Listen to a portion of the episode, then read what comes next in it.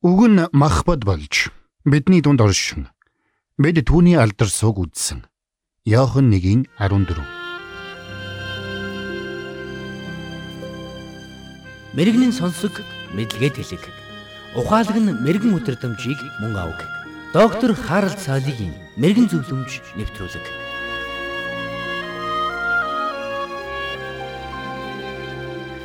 1949 онд Хятадын төрийн эрхийг коммунистууд булан авах үед Рудольф Босхарт, Арнолис Хейман хэмээх хоёр илгээлтийн эзэн Хятадаас зүгтэлгүй үлдэж хоцорчээ.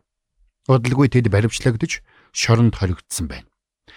Тэднийг олон сараар хорж удалгүй өвөл олжээ. Хятад орон өргөн уудам газар нутагтай учраа Сибирийн хүйтэн салхины нөлөөгөөр хойд хэсгээрээ өвөлдөө их хүйтэн болдог. Тиймээс шоронд хоригдсон хоёр маань даарч бэрэн ихэд зүдэрчээ.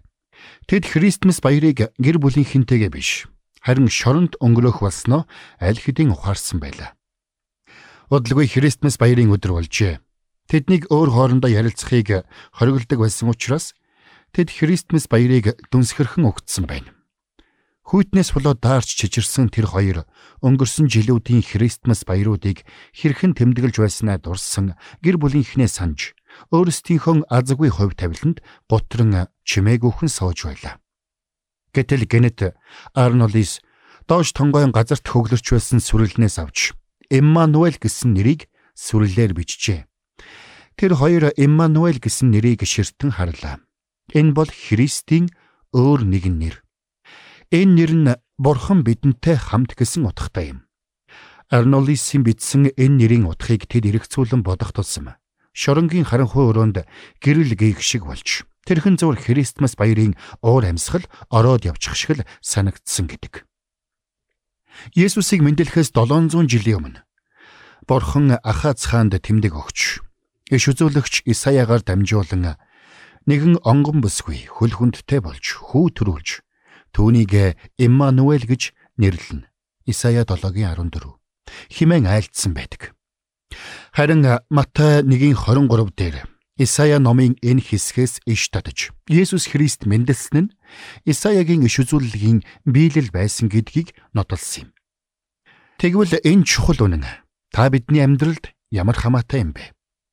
Элч Йохан Есүс Христийг мэндэлсэн тухай өгүүлэхдээ үг нь махбод болж бидний дунд оршин бид түүний алдар суг үдсэн Иохан 1:14 химэн бидсэн байдаг. Теологчид үүнийг бийжилт химэн нэрлэдэг. Энэ нь бурхан махбодоор бийжиж бидний дунд амьдарсан гэсэн үг юм. Өнөөдөр дэлхий дээр өрнж буй энэ их зовлон шанал тэмцэл тулаан бидэнд бурхан хүмүүн болон дэлхийд ирсэн энэ гайхамшигтай биежилтийн утга учирыг ойлгож ухаарах нь ямар чухал болохыг сануулсаар байна. Өнөөдөр маш олон хүн эрх чөлөөгөө зовж байна. Тэд бодит шоронд биш, оюун санааны шоронд хоригдож байна. Өөрийгөө буруутгах буруутгал, сэтгэлийн зовлон шаналл, гэмнүгэл, айдас хүйдэс, мухар сүсэг, өөрийг нь хинч ойлгохгүй гэсэн ташаа бодлуудаасаа болоод оюун санааны шоронд орчихсон хүмүүс маш олон байна. Харин бурхан энэ дэлхий дээр хүмүүн болон ирсэн нь. Тэр та биднийг хайрлсных юм. Нэгэн удаа Христэд итгэгч залуу нэгэн хиндүү шашинтай залууд Христийн тухай ярьж өгчээ. Гэтэл тэр залуу бурхан хүн болсон гэдгийг ердөөч ойлгож чадахгүй байлаа. Сүүлдээ нөгөө залуу газар руу харж гүүж яваа шоргоолжийг заагаад би өөрийгөө шоргоолчийг жижигхэн болгоод хүний хүч чадлаа орхиод шоргоолчны биеэр амьдарч чаддаг байлаа гэж бодъё. Тэгвэл би шоргоолчны ертөнцийг ойлгохын тулд өөрөө шоргоолж болохоос өөр аргагүй шүү дээ. Тэгвэл Есүс яг ийм зүйл хийсэн гэсэн үг гэж тайлбарлаж гин. Тэр үед л нөгөө залуу саяныг ойлгож гин.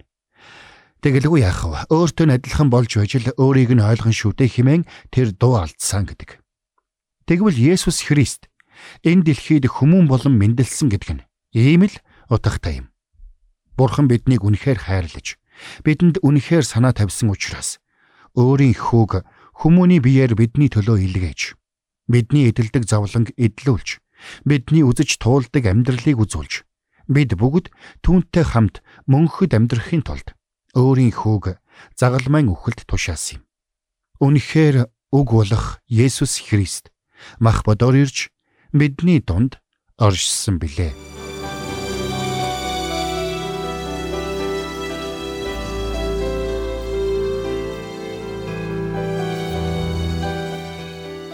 Мэргэн нэгнийг дагуул мэргэн, мулгуутай нөхөрлөл хорлол.